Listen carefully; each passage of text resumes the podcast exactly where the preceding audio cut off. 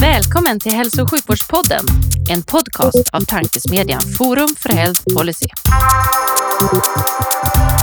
I den här podden möts frågor om hur vi kan få bättre hälsa med frågor om vilken politik som krävs. Det kommer bli samtal om personcentrering, ledarskap, digitalisering, organisation, politik och mycket mer.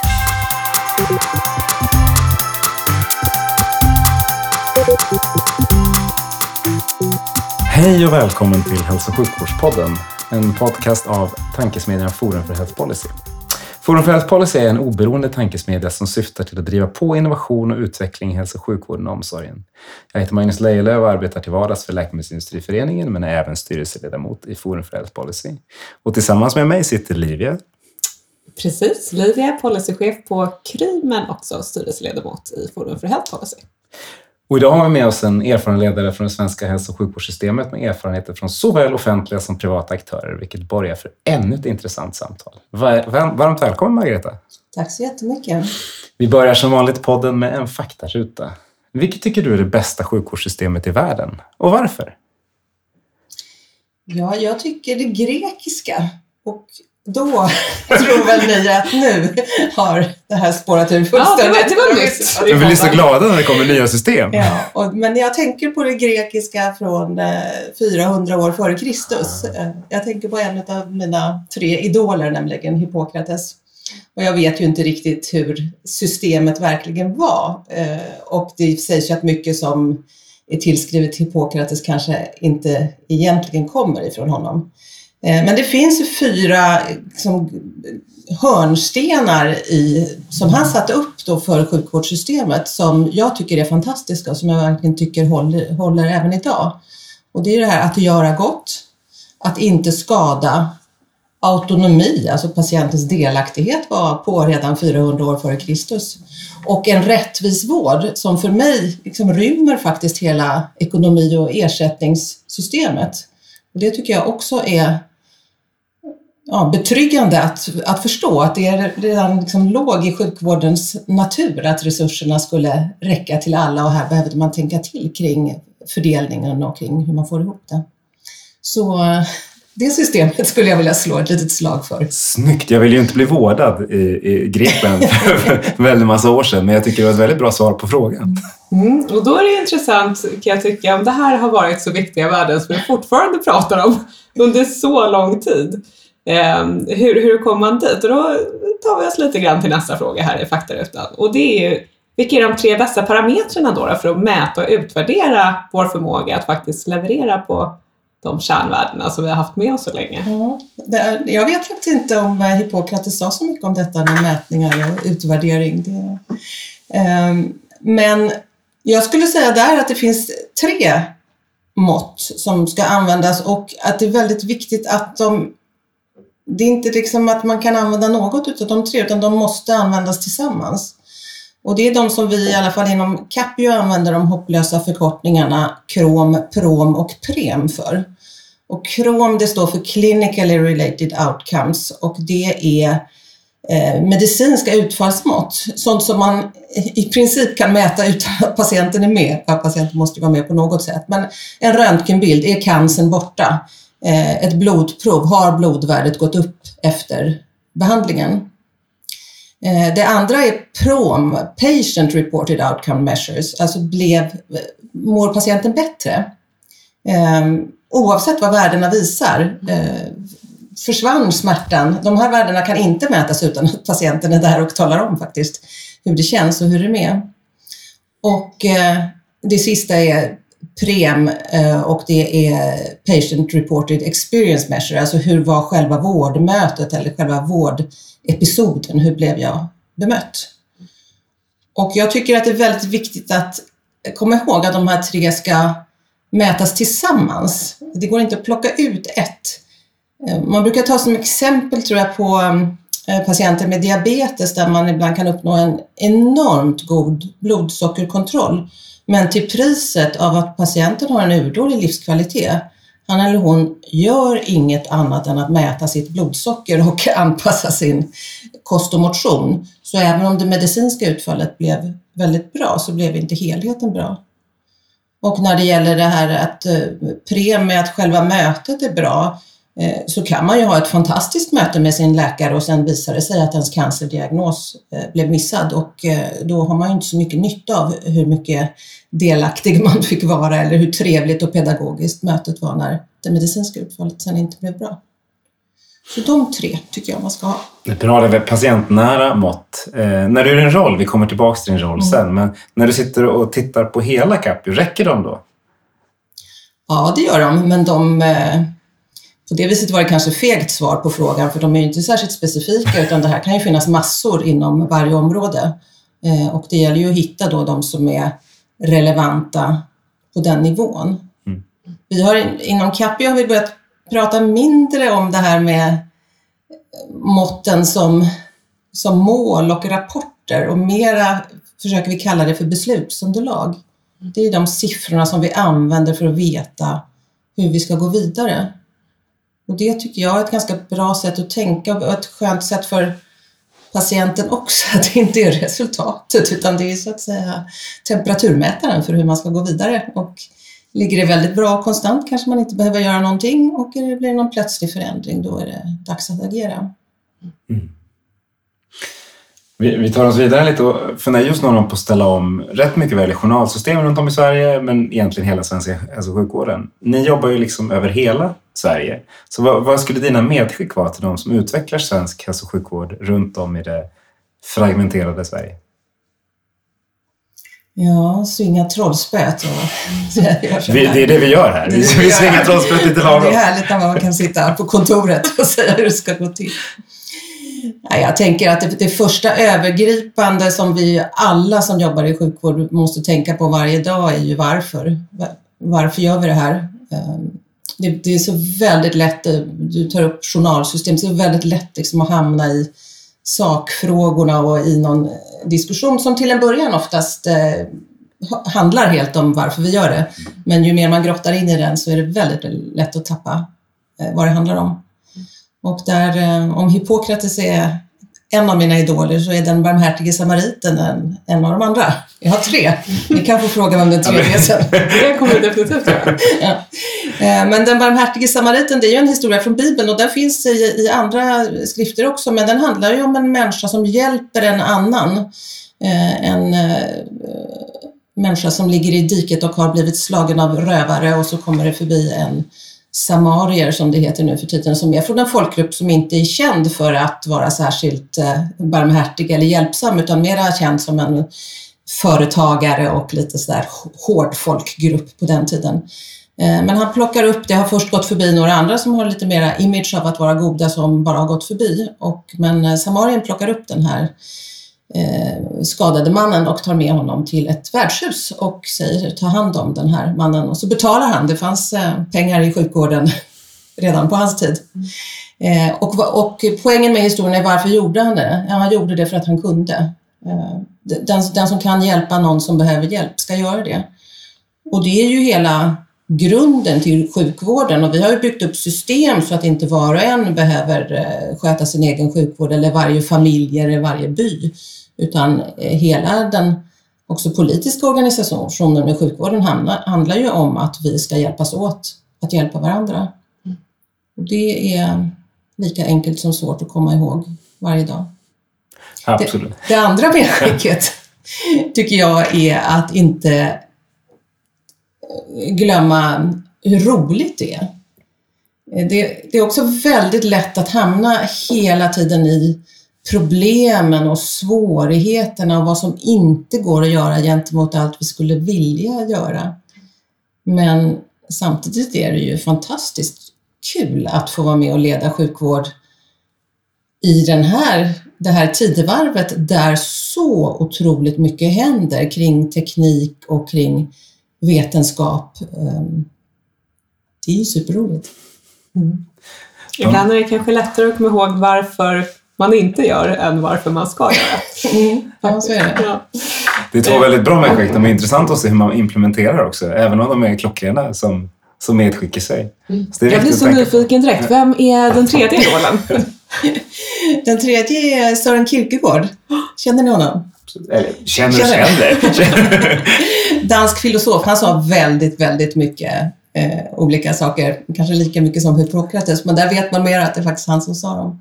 Men det som jag har gjort honom till min stora idol är en dikt som han har skrivit som heter Till eftertanke och det är nog väldigt många som kan den dikten utan att kanske veta att det är just Sören Kierkegaard som har skrivit den. Man ser den ofta i eh, personalrum, så där uppe på kylskåpet eller på någon anslagstavla. Och den säger att för att eh, föra en människa mot ett bestämt mål måste jag först hitta henne där hon eller han är. Det var inte helt korrekt citerat men eh, Förstår innebörden. du förstår innebörden. Ehm, det tycker jag också är en sån här grej att alltid, alltid ha med sig. Sören Kierkegaard, han brer på väldigt mycket där, att den som inte gör det, den är bara ute för att skryta och för att visa sin egen förmåga eller för att eh, trampa ner på den andra.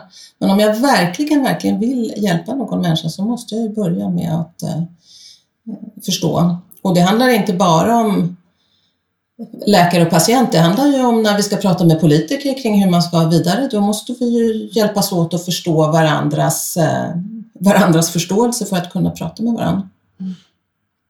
Mina idoler kändes plötsligt lite torftiga, Livia. Det här var tre väldigt bra idoler. Verkligen.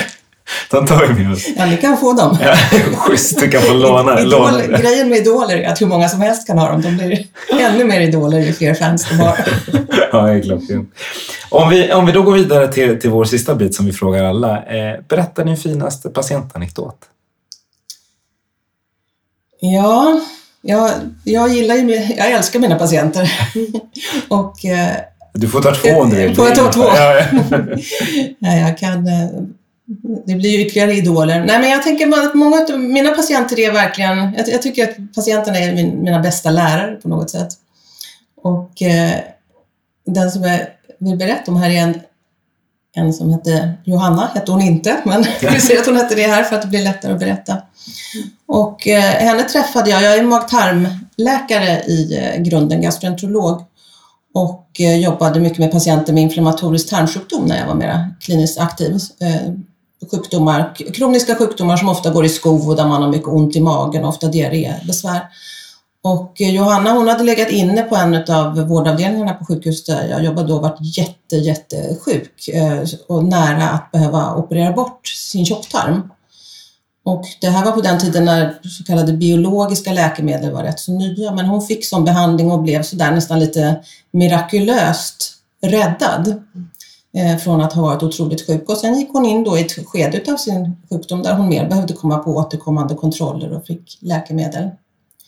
Och hon kom då till mig på mottagningen och innan jag eh, lärde känna Johanna och innan vi hittade rätt i vår relation så hände alltid samma sak vid de här besöken. Och det var så att jag gick och hämtade Johanna i, i väntrummet och så kom hon in och så satte hon sig ner och så började jag, som jag har lärt mig att man ska göra så här fint med en öppen fråga. Så här, Hej Johanna, välkommen, hur mår du?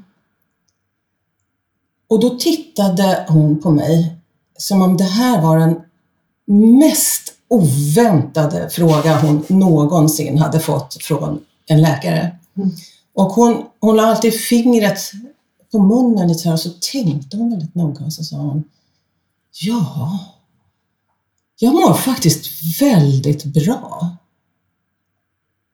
Och det tyckte jag, jag menar även om man lever på att hjälpa människor som inte mår bra så blir man ju väldigt glad när de mår bra. Så då fortsatte vi besöket där, jag undersökte henne, vi gick igenom hennes läkemedel, eh, avtalade nästa tid och ja, småpratade lite för vi hade ju lärt känna varandra ganska bra vid den här långa sjukdomstiden. Och sen när vi sa hej då så vände hon sig om i dörren och så sa hon Men du, det var en grej som jag ville fråga dig om. Jag har så otroligt ont i magen och sen har jag diarré fem, tio gånger per dag. Liksom. Vad kan det vara? Och då fick vi börja om. Mm. Eh, sen lärde jag mig att även om det var så eller oftast är så att en öppen fråga är bra och att ge patienten ett bra utrymme för att själv beskriva sina symptom i början. Så just med Johanna funkade inte det. Eh, hon behövde en helt annan hjälp. Hon behövde precis tvärtom mot läroboken. Liksom hon behövde en riktad fråga mm.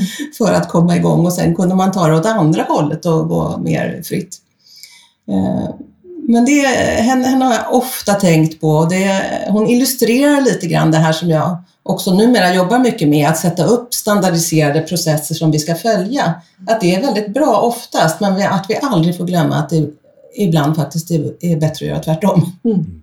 Att möta människan där de är. Ja, precis. Där har vi Sören Kierkegaard igen.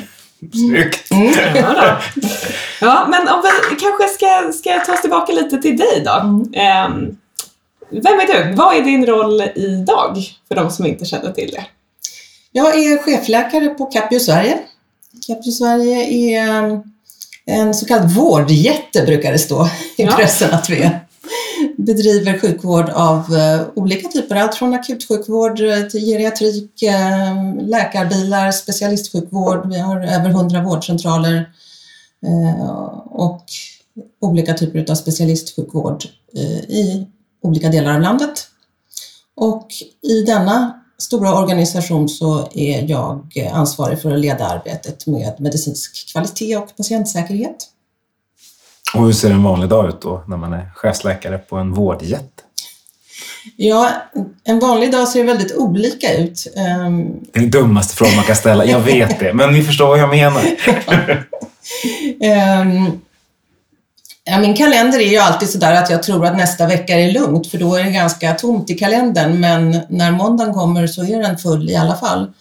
Eh, och så det är en blandning utav mer liksom långsiktig planering och vara med och driva utvecklingsprojekt, lite ordning och reda-frågor som är klassiska chefläkarfrågor. Men i mitt jobb ligger också ett speciellt fokus på utveckling, dels inom patienternas delaktighet och dels inom, in, inom eh, digitalisering. Mm. Och där kan det vara så att eh, en del saker är liksom strategiskt stora projekt, men rätt mycket är också verksamheterna som hör av sig och vill ha hjälp och stöd i något, vill bolla någonting, eh, vill ha med mig att titta på några, ja, vissa frågor. Eh, och där är en stor del av mitt jobb är att knyta ihop nätverken, för jag vet då, ja men här har vi ju en vårdcentral som har gjort en sak som är väldigt lik det som ögonmottagningen vill göra och om ni pratar ihop er med varandra så kan ni eh, ja, hjälpas åt eller inspirera varandra. Mm.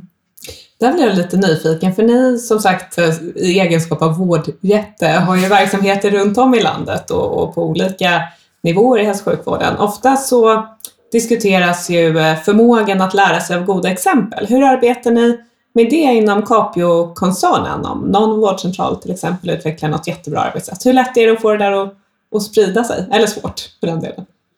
Ja, det är ju eh, en av anledningarna till att, att jag finns och att det finns eh, chefläkare och kvalitetssamordnare på olika nivåer just för att eh, få ihop det här nätverket.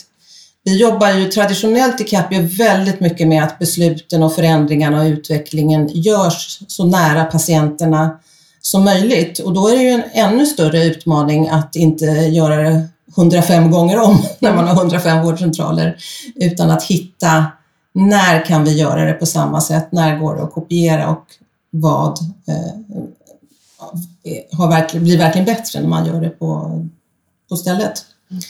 Ehm, men vi har ju olika typer av nätverk. Jag har som mitt eh, kanske viktigaste arbetsforum, även om vi bara möts Eh, planerat en gång i månaden ett kvalitetsråd där det finns chefläkare och kvalitetschefer från våra fem affärsområden och de har ju i sin tur eh, samma nätverk.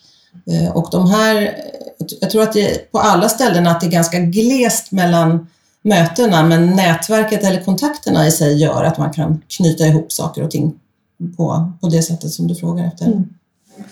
Under de viktigaste mötena, har ni, hur har ni lyckats hantera dem nu under, under pandemin? Har, har de blivit bättre eller annorlunda? Eller både och? Eh, både och. ja, vi har ju som alla behövt eh, styra om till Teamsmöten och eh, distansmöten.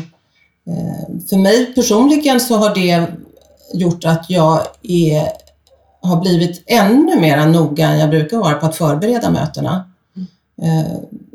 Och förbereda så att det inte blir någon sorts informationsmöten utan interaktionsmöten. Eh, och jag är inte, även om jag har jobbat mycket med digitalisering, är jag inte jättedigital. Så vi hade till exempel en liten övning på vårt kvalitetsråd där vi tittade på hur vi eh, tar hand om rapporterade avvikelser. Och vi jobbar ju väldigt mycket datadrivet och behöver då samla ihop det här för att se var har vi våra stora problem och då upptäckte vi att vi trodde i alla fall att vi värderar, riskvärderar våra avvikelser på väldigt olika sätt. Så att när vi knyter ihop statistiken så kanske den inte alls stämmer för att vi mäter olika saker.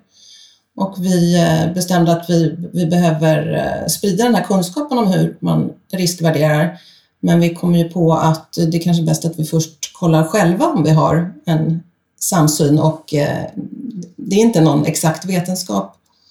Så då tog vi fram, alla tog med sig två eh, riktiga, äkta avvikelser från sina affärsområden och så satt vi i det här kvalitetsrådet som då består av tio personer digitalt och skulle då prova att värdera hur allvarligt är det här och hur ofta kan det hända.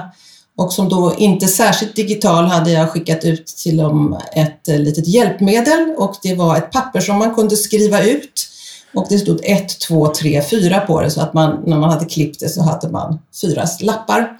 Och sen läst, berättade någon om avvikelsen och så räknade vi 1, 2, 3 och så fick man hålla upp sin lilla lapp i skärmen. Det var ju bra. Det gillar jag.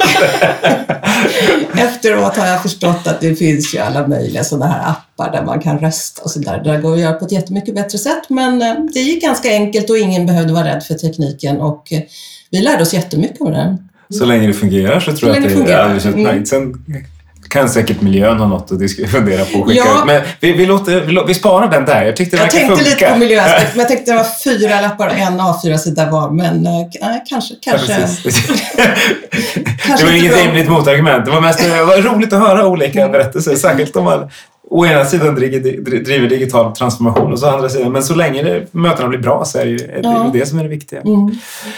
Vi, du har nämnt lite att du har en eh, mage-tarm-bakgrund. Mm. Eh, men vad har du gjort mer? Eh, liksom, hur ser din karriär ut för att hamna där du ham har hamnat nu? Ja, mina första drygt tio år bodde jag i Kristinehamn i Värmland. Och så jag började med min AT på ett eh, länsdelssjukhus där man som AT-läkare var själv på akuten och tog hand om IVA och en, en riktigt, riktigt klinisk bakgrund. Eh, och jag gjorde min specialist utbildning där också. Eh, det var ett fantastiskt sätt att börja sin eh, karriär på. Väldigt... Ehm, ja, man lärde sig mycket snabbt. Jag tror inte jag tänkte så väldigt mycket på sjukvårdsorganisation då, men efteråt har jag förstått att de här cheferna som jag hade i början och det sättet som vi jobbade tillsammans på de här klinikerna, det har nog haft stor betydelse för mitt eget ledarskap.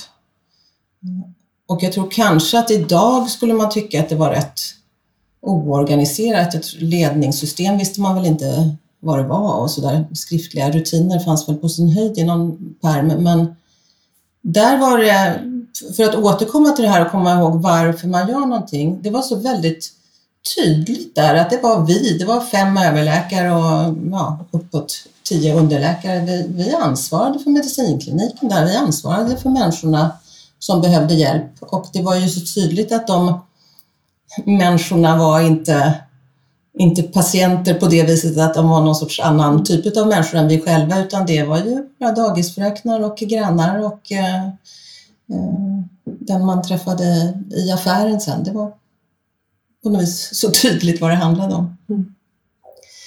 Så det var min eh, start. Sen eh, när vi, familjen bestämde sig för att flytta till Stockholm. Det var, de skulle, jag hade fött fyra barn under den tiden och äldsta pojken skulle börja eh, skolan då och eh, vi bestämde oss för att ta ett beslut om att eh, ja, bara vi kunde vara lite mer långsiktigt. Kristinehamns sjukhus lades ju också ner ganska snart efter det.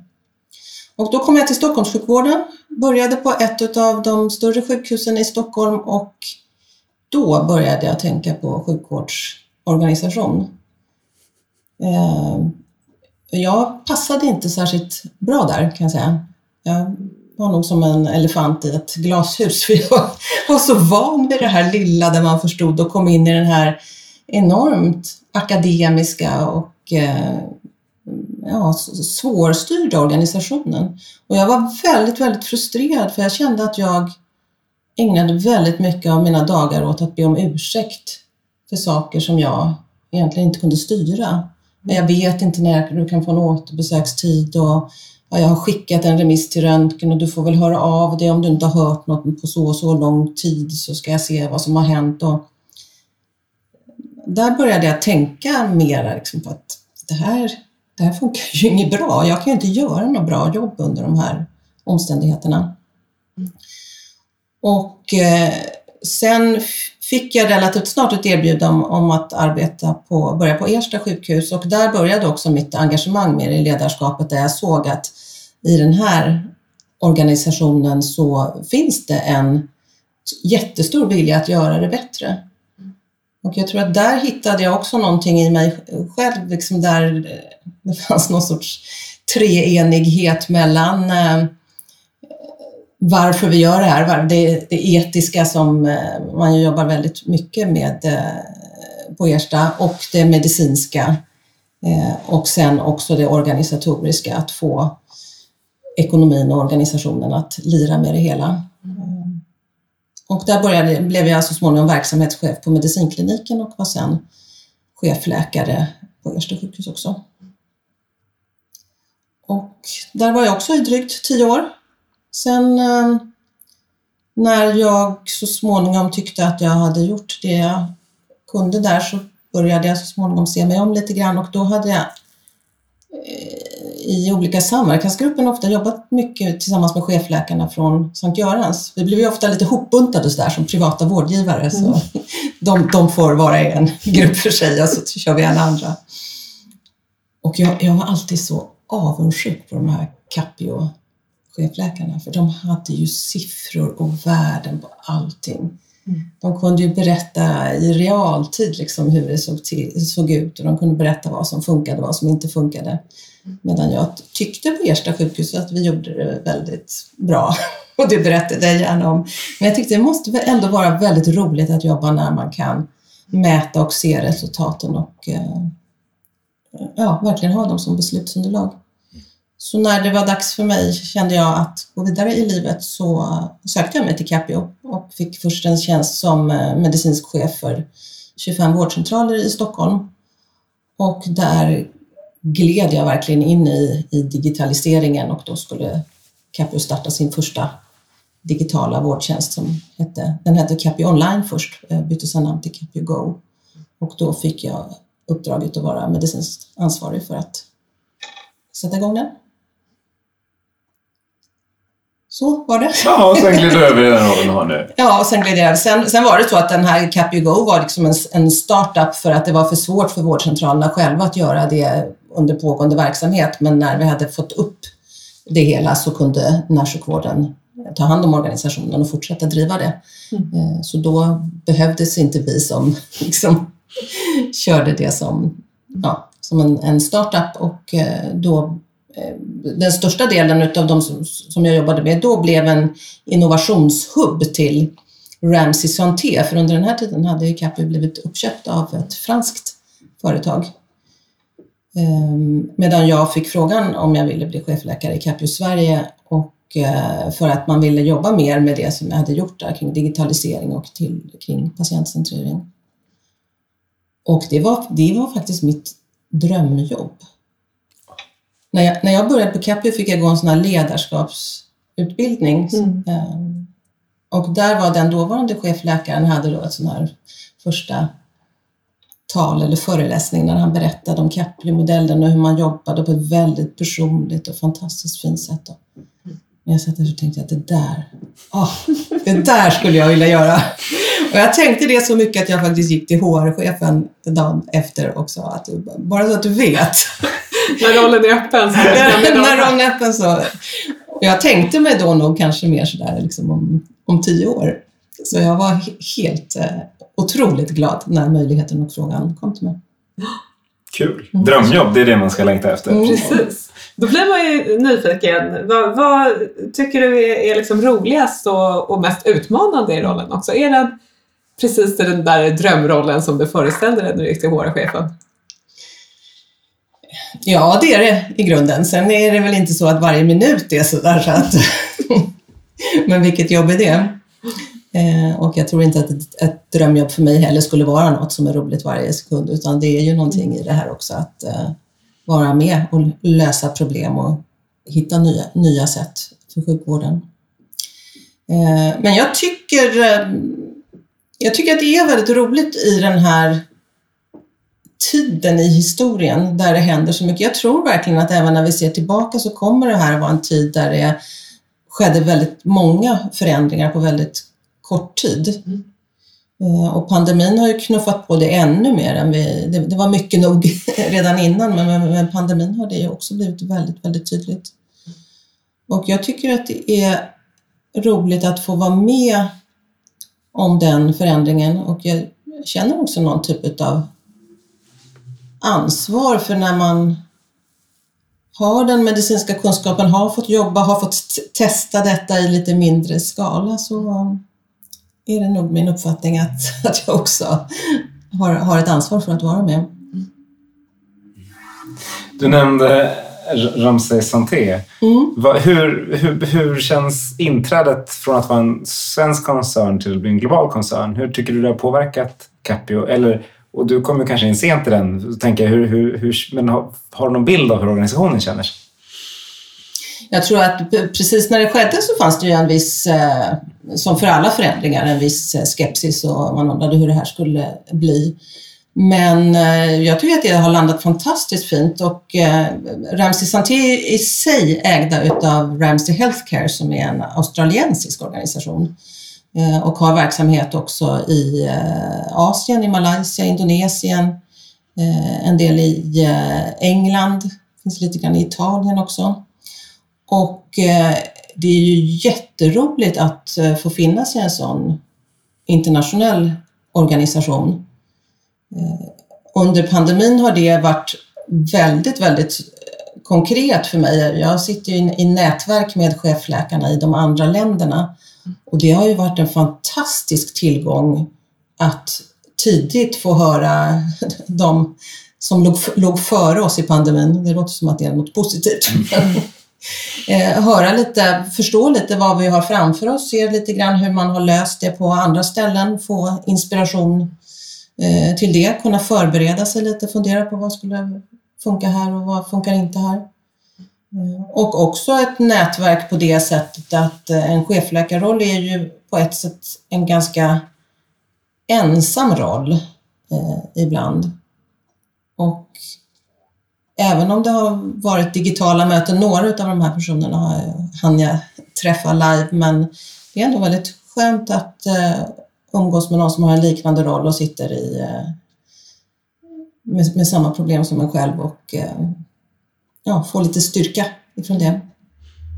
Mm. När vi försnackade lite så berättade du om att du gick ett ledarskapsprogram med, med dina andra kollegor. Ja. Hur, vilka är du imponerad av och varför? Vilka, vilka tycker den där personen verkar, verkar gå så bra där? Jag tycker att he, hela Ramsey Healthcare, där är mottot är People caring for people och eh, organisationen startades av en som heter Paul Ramsey som nu inte lever längre men som verkligen, verkligen brann för det här mänskliga och som har ett avtryck eh, kvar i organisationen där det är så tydligt liksom att det är detta det utgår ifrån. Eh, och det tycker jag är roligt att få vara med i. Ibland känns det, det är klart det är lättare att tycka det är roligt när man är på lite avstånd, men ibland känns det så väldigt, väldigt mycket mera positivt mot det som i svensk sjukvård ibland blir väldigt liksom, tungt och man ser alla hinder och hur ska vi få ihop det här och inte tillräckligt med resurser och hur avtalsfrågorna, de har säkert de i Australien också, men det är inte de, de bitarna som jag ser så mycket av. Sen är det ju spännande att se Malaysia, Indonesien, chefläkaren där, han berättar ju om en helt annan tillvaro eh, där det här med patientdelaktighet och sånt där ligger väldigt, väldigt långt borta fortfarande, där man pratar fortfarande om vad man ger till patienterna och vad man säger till patienterna, hur patienterna ska styras upp för att man ska kunna leverera eh, sjukvården. Mm. Och det är ju, det är ju intressant liksom, att finnas med på båda sätten. Å andra sidan har ju de saker som jag tycker verkar enormt eh, spännande också hur man tittar till de här svagare grupperna, ser till att de som inte själva kan göra sin röst hörd också får den sjukvård de behöver. Mm. Så det finns i den här stora organisationen massor att bli inspirerad av. Mm. Hur ser du, eh, för du har jobbat då först på, på Ersta som eh, ligger lite utanför det offentliga Mm. i alla fall och sen så nu Capio då. Och dessutom som du säger, nu har Capio blivit ett globalt Mm. bolag som bedriver vård i Sverige. Hur tycker du att samverkan fungerar mellan en privat aktör som Capio eller en privat vårdjätte som, Mm. som vissa kanske skulle använda som term eh, och regionerna, det offentliga i Sverige? Eh, vad är dina erfarenheter där kring samverkansfrågan? Jag tycker i grunden att samverkan är, är bra. Jag tycker att det finns en ömsesidig respekt och eh, vi som privata vårdgivare, och det gäller, gäller både Capio och Ersta som är mm, privat men icke vinstdrivande, eh, är ju betydligt mer snabbfotade än vad regionerna är. Och jag tycker ofta att vi som privata vårdgivare liksom lyfts upp som exempel eller som får testa någonting eller att man vill ha med oss och vill ha våra erfarenheter. Jag vet att vi också bidrar väldigt mycket. Sen är det olika i olika regioner. Ehm, Jag vågar inte det här forumet riktigt säga Vilka? vilka, göra hela listan, men, men det är lite, lite olika hur mycket plats, eh, hur välkomna vi är och hur mycket vi får vara med. I vissa regioner eh, sköts mycket av organisationen utan privata vårdgivare och sen får man vara med på de villkor som ställs upp och i andra regioner så eh, när man är med i samverkan så tycker jag att man inte riktigt tänker så mycket på vem som är vem utan alla försöker bidra så gott man kan. Mm. Du var inne mm, lite på att en, en, en viktig del av din roll eh, nu eh, handlar just om eh, vidareutveckling, digitalisering, hela eh, den här transformationen som, som eh, vi är mitt uppe i nu. Eh, Apropå det här med samverkan med regionerna, hur ser du på eh, utvecklingen kring journalsystem och IT-system i Sverige? Nu pågår det som sagt både, det har genomförts upphandlingar som nu ska breddinföras i flera regioner för nya vårdinformationssystem. Ser du att eh, de här nya journalsystemen och IT-infrastrukturen överlag, är, är det anpassat till, till det som ni på Capio har som vision så att säga för digitaliseringen? Nej, jag tror inte riktigt det. Jag tror att ja, för, det första, för det första är det så att det, det sägs mycket negativt om journalsystem utan att vi använder den fulla potentialen ens av det vi har. Eh, Ett, ett exempel på det är ju det här med nationella patientöversikten, NPÖ, där vi faktiskt har tillgång till eh, varandras information med patientens samtycke, men vi använder det väldigt, väldigt lite. I, i Capio Go som är en nationell tjänst så var vi tvungna att använda det eh, och gör fortfarande för, för varenda patient. Och många läkare som började jobba där eh, sa att det här var ju jättebra, det borde vi ju ha på vårdcentralen också. Och eh, blev jätteförvånad när man sa det har ni ju haft i hur många år som helst. Liksom. Tryck på knappen. Ehm, så det tycker jag är viktigt, att, att liksom inte se journalsystemet som den jättestora bromsen hela tiden, utan att vi faktiskt kan jobba på en hel del medan det här utvecklas. Sen tror jag, och det här är verkligen mer intuitivt än faktabaserat, men jag tror att även de här nya journalsystemen inte kommer att nå tillräckligt långt. Jag, jag tror att vi är väldigt fast fortfarande i någon sorts föreställning om datahantering som någonting som liknar böcker och kataloger.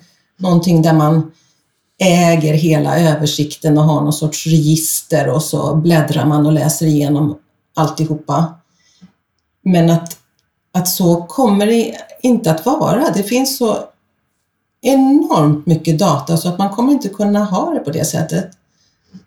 Och vi, vi, vi har ju själva lärt oss det genom Google. Vi går, jag menar, vi går ju inte vi tittar ju inte på trädet i Google och börjar leta oss ner när vi ska hitta någon information utan man skriver in ett ord och det tycker inte vi längre är något konstigt att vi får upp 50 länkar och så väljer vi på något sätt. Och de flesta av oss har börjat fatta att några av de där översta är någon som har betalt för så man kanske ska börja titta lite längre ner där det inte står någonting om annons eller så. Och att man måste värdera kunskap jag tror att även när det gäller journalsystem så kommer vi så småningom att behöva hantera data på ett helt annat sätt.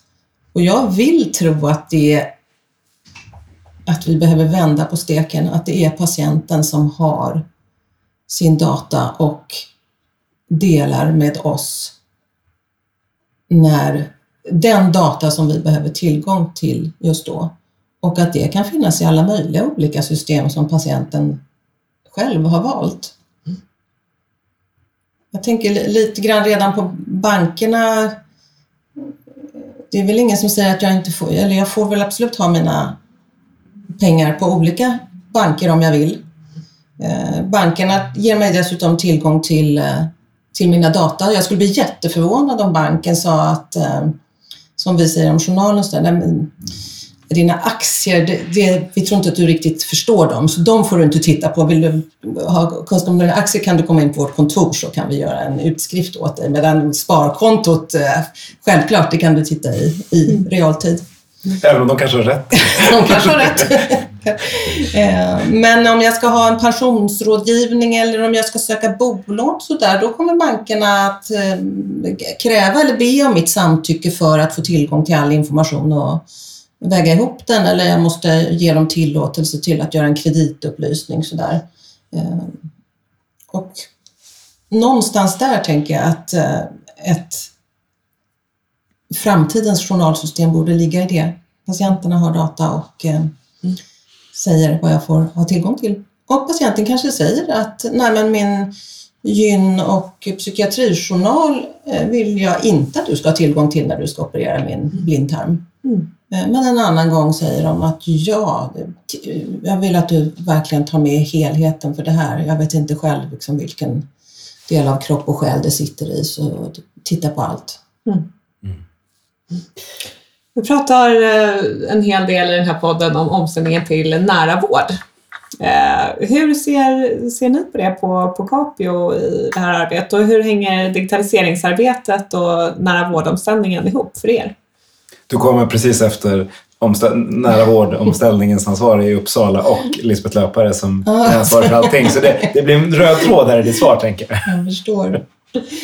Ja, det var ju många frågor på en gång med digitaliseringen också och den är kanske den lättaste att börja i. För, för mig är det, själva digitaliseringen är ju mer ett, ett verktyg men det som fick mig att säga ja till att vara med och bygga upp Capio Go är ju att digitaliseringen med fördel utgår så mycket från logiken att det är patienten som eh, styr och patienten som är centralfiguren i vården.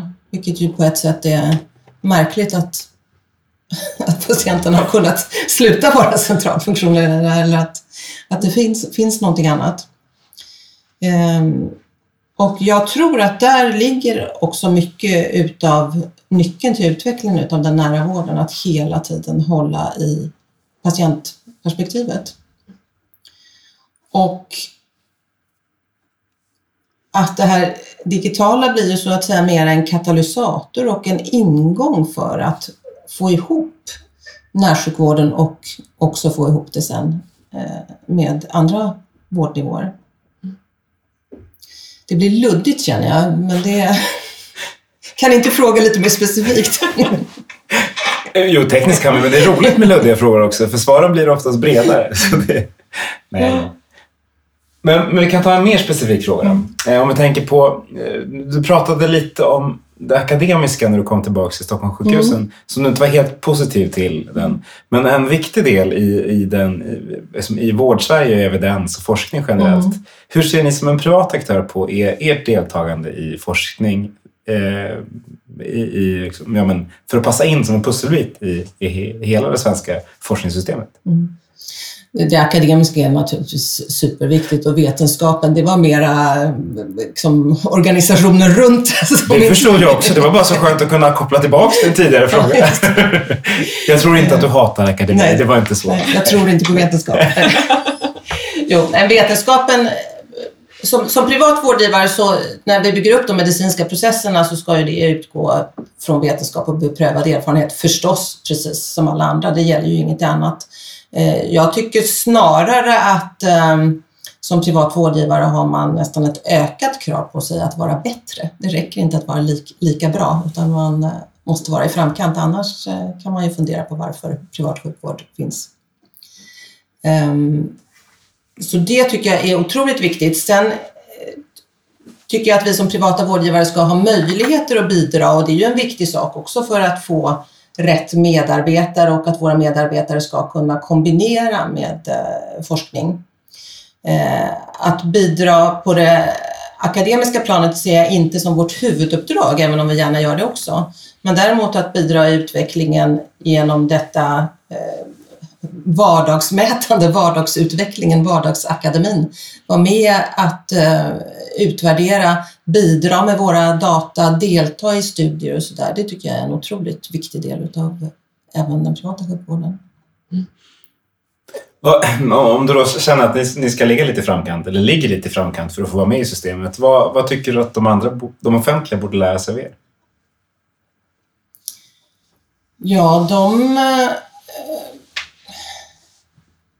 kan, kan ju förstås samverka med oss och eh, låta oss som är lite mer snabbfotade göra den här liksom, tidiga utvecklingen, prova saker, visa snabba data eh, för att eh, också vara med och välja vad går man vidare med, vad funkar i större skala. Eh, vi har ju en förmåga att kunna göra ganska mycket i liten skala till en början och det gör vi ju alltid med en riskanalys förstås först så att vi inte sätter någon patient i knipa. Eh, men gör man det så om man gör tillräckligt mycket så kommer ju en del av de försöken att inte vara bra. En del av dem behöver ju läggas ner, annars har man ju provat för lite.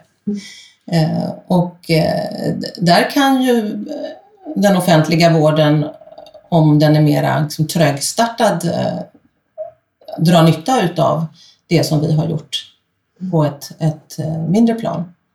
Sen är det ju massor med delar utav den offentliga vården som också i eh, kan göra, göra snabba saker och som eh, har betydligt större resurser också för mera avancerad forskning. Så det är inte så att det är bara de privata vårdgivarna som driver det. Men jag tror definitivt vi har en plats. Mm. Du har varit inne lite grann på det här med att vi är, är inne i en period som vi kanske kommer se tillbaka på mm. som, som en period där det skedde en hel del förändring under ganska kort tid. Um, hur tror du att svensk sjukvård ser ut 2030? Ja, det är väl det som är lite lurigt med en period i förändring, att man inte riktigt vet. Det är många saker som kommer att provas och en del av de sakerna kommer att bli bra och det är många saker som kommer att provas som vi kommer att skratta åt efteråt och fundera på hur, hur tänkte vi då? Jag, jag tror att en av sakerna som kommer att förändras till 2030 är äldrevården. Jag tror att där har man kommit till en punkt där man ser att eh, man måste hitta mera rätt i kombinationen av vård och omsorg så att det blir bra för dem, för de äldsta, de sjuka äldre. Så det tror jag kommer att ha ändrats. Riktigt hur vågar jag inte säga. Det andra som jag tror kommer att vara, jag tror att det här ordet digifysisk som eh, ju, har blivit ett ganska välanvänt ord. Jag tror att det det är många som säger sig ha uppfunnit det ordet. Jag tror att det uppfanns på många ställen samtidigt för att det var så att säga, ett begrepp som behövdes. Grekland 400. Nej, det var, det var faktiskt... Eh, tidningarna gör ju sådana här nyordslistor och det går ju på när det första gången sades i media. Mm. Och det var faktiskt Capiogos eh, VD Tova Jäxmark sommaren 2017 som för första gången sa det i en intervju i Svenska Dagbladet. Mm. Sen kan det ha sagts på massa andra ställen tidigare också. Men jag tror kanske att det ordet inte finns längre. Att det är ett sådant ord som behövs i den här övergången. Mm. Men, det, men det kommer inte att finnas någonting som inte är en blandning av digitalt och fysiskt 2030. Så jag tror att det är borta. Och att det är ett ord vi kommer att skratta lite åt, kanske. Förklara för barnbarnen liksom, vad vi menade med det. Mm, den spaningen kan jag nog eh, hålla med om. Kan nästan hoppas på det. Vad, på tal om förändringar, vi är ju mitt i en pandemi. Mm. Vad, vad har du lärt dig hittills under pandemin? Och vad tror du att du kommer att ha lärt dig om tre år när du tittar tillbaks på, förhoppningsvis tittar tillbaks på hur det var? Jag tror att den viktigaste lärdomen nu, när vi bara är en bit på väg, är ju någon sorts um, ödmjukhet, någon sorts påminnelse om att eh, vi inte styr allt vi tror vi styr. Att det vi planerar kan vi behöva planera om ganska fort. Kanske särskilt genom att vi var så väldigt mycket på väg i den här digitala planeringen och digitala omställningen så var vi kanske många som gick in i någonting så här att här lägger vi upp vår plan många år och så här ska det rullas ut och så här ska det införas. Men eh, när pandemin kom så var det direkt någonting annat som styrde. Just när det digitala, med det digitala så gav ju det snarast en skjuts men det var ju väldigt mycket annat som vi planerade och ja, saker som vi hade tänkt och som vi eh, såg för oss eh, som vi bara var tvungna att släppa. Eh, så det tror jag kanske är den allra största lärdomen inom sjukvården så att säga. Att hur mycket vi än försöker styra så händer det saker i omvärlden som gör att vi kan behöva tänka om plötsligt och att vi måste anpassa oss. Nu håller man, vi närmar oss ju val. Det känns lite absurt att säga det ett och ett halvt år innan valet, men det, men det är ju på väg. Eh, om, om du fick skriva partiprogrammen, eh, vad hade du att skicka med in från, från din, din roll som, ja, men, som människa med, med tre häftiga idoler och som din roll som företrädare för Capio? Ja, den var inte lätt. Särskilt för en som är politiskt inte superduper intresserad, men, eh, men desto roligare. Den kom precis nu också till mig. Det var en klurig fråga att få på studs. Mm. Ja, det som slår mig först är ju ändå att på, på något vis återta patientperspektivet och också jag tänker ibland kring politik och det här med att vi, vi försöker, vi letar också, vi, måste, vi ska ha med patientrepresentanter, patienterna ska göra sin röst hörd. Men sen tänker jag ibland att är det inte det som är politik? Att vi har folkvalda människor som ska företräda oss och som ska göra vår röst hörd. Eh, alla vi som är patienter, som är människor som kan behöva sjukvård. Eh, och ibland tänker jag att när vi pratar så väldigt mycket om patientrepresentation så har vi på något vis också glömt att det är ju det, det, är ju det politikerna ska göra. Mm. Så det, jag vet inte om det är något särskilt parti som ska ha med sig det, men det kanske alla ska ha med sig att ändå fin, finnas närmare sina väljare och vad är det man verkligen eh, behöver? Vad är det man ver- verkligen man vill? Och i det med patientdelaktighet så finns det ju någonting väldigt positivt. Det vill säga krafterna styr ju åt samma håll. Patienterna vill vara med mera i vården och vården har dåligt med resurser. Mm. Det är ju det är bara att göra. Precis, de går ihop rätt väl. De går ihop eh, väldigt väl. Viljeriktningarna. Mm. Mm. Spännande. En, en fråga som jag, också, som jag tycker är rolig att ställa. Eh, det är, vad tror du är årets innovation i svensk hälso och sjukvård när året är slut? Ja. Det är svårt att tänka innovation utan att tänka digit digitalt år 2021. Det är okej okay att säga något digitalt också. Det är okej okay att säga något digitalt. Um, och där, det har ju kommit väldigt mycket, men den, jag skulle säga att den pusselbit som saknas principiellt i det digitala är ju övergången från patienterna till sjukvården. Jag skulle i alla fall önska eller hoppas att eh, årets innovation är någonting som patienterna själva har och tar med sig till sjukvården där sjukvården säger Åh, vad bra att du har med dig dessa data. Vad fint att jag kan se på din enkla graf hur du har mått, för det här gör ju verkligen att utredningen går att börja på ett annat sätt. Mm. Nu är det som att det fortfarande är två avdelningar. Det ena är när sjukvården innoverar någonting där patienterna ska in i det och leverera på det sättet som sjukvården vill ta emot det.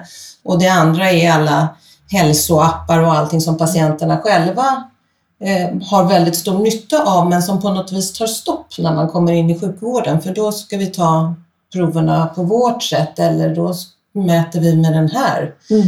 lilla maskinen här som passar med våra system. Eh, och jag, vet, jag tror att det, det, finns ju en del appar som är lite på gång i eh, det här, där det på något vis är ett beslutsunderlag för både patienter och sjukvården. Det skulle jag hoppas på i alla fall. Mm. Får vi hålla ögonen öppna. det lät som en väldigt bra innovation som vi verkligen hoppas på. Mm. Nu tror jag att folk börjar sprungit, ni börjar närma milen tror jag. Det är nästan som ni är ute och stretchar om ni har sprungit väldigt snabbt. är det något du tycker att vi har missat att diskutera som du tänkte att när, när du kom hit så ville du verkligen prata om det här? Jag tror att det faktiskt är en, en sak, vi var ju inne på det på nära vården, det är ett så mm. stort uh, område, men, men en uh, liten del där som intresserar mig väldigt mycket och som jag tror att vi skulle behöva prata mer om är det här med kontinuitet. Mm. Uh, kontinuitet lyfts ju upp väldigt mycket, tillgänglighet och kontinuitet lyfts upp mycket som två otroligt viktiga saker i vården. Mm. Ehm, och jag ska verkligen inte säga att det inte är det, ehm, men jag tror kontinuitet tror jag är någonting som vi skulle behöva prata väldigt, väldigt mycket mer om och förstå när det är bra och när det behövs. Mm det är kanske verkligen att sticka ut hakan och alldeles frivilligt ta upp det här ämnet för jag vet att det är inte särskilt populärt att säga att eh, kontinuitet inte alltid är bra. Men det finns väldigt många tillfällen där människor inte vill ha kontinuitet utan vill vara lite anonyma eller vill ha en konsultation där man inte har med helheten. Mm. Vill komma, vi ser det mycket i det digitala där vi får fantastiska förtroende i, och frågor i chatt av människor som säger det här skulle, vågar inte jag fråga min husläkare om eller det här har jag aldrig vågat ta upp utan man vill få en chans att, att vara tagen ur sitt sammanhang mm. och få hjälp med någonting. Och jag tror att vi skulle behöva prata mer om när, när är detta det bästa? När är det att man vill ha någonting i punktform och när är det mycket bättre för mig att få träffa den som känner mig? Mm. Och ibland tror jag att vi också använder kontinuiteten, inte bara för att det är bra för patienten, utan för att vi själva inte litar på våra standardiserade processer. Det är, bara, det, är ju egentligen en hemsk tanke att det är bara om patienten kommer till just mig som det blir lika bra. Eh, och om jag skulle vara sjuk så är det ingen annan som förstår vad jag har tänkt. Mm.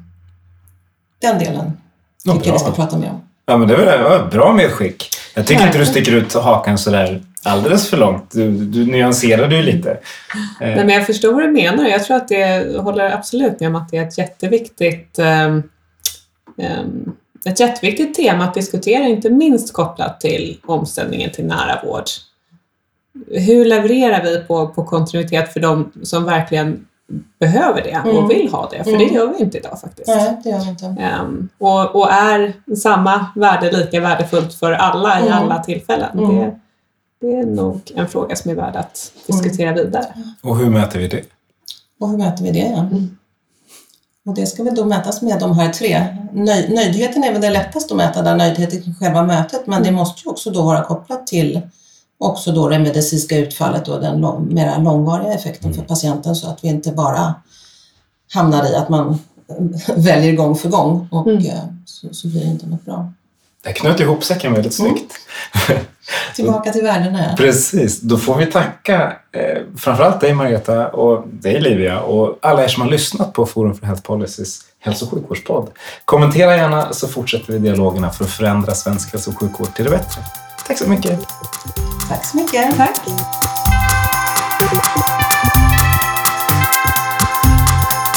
Thank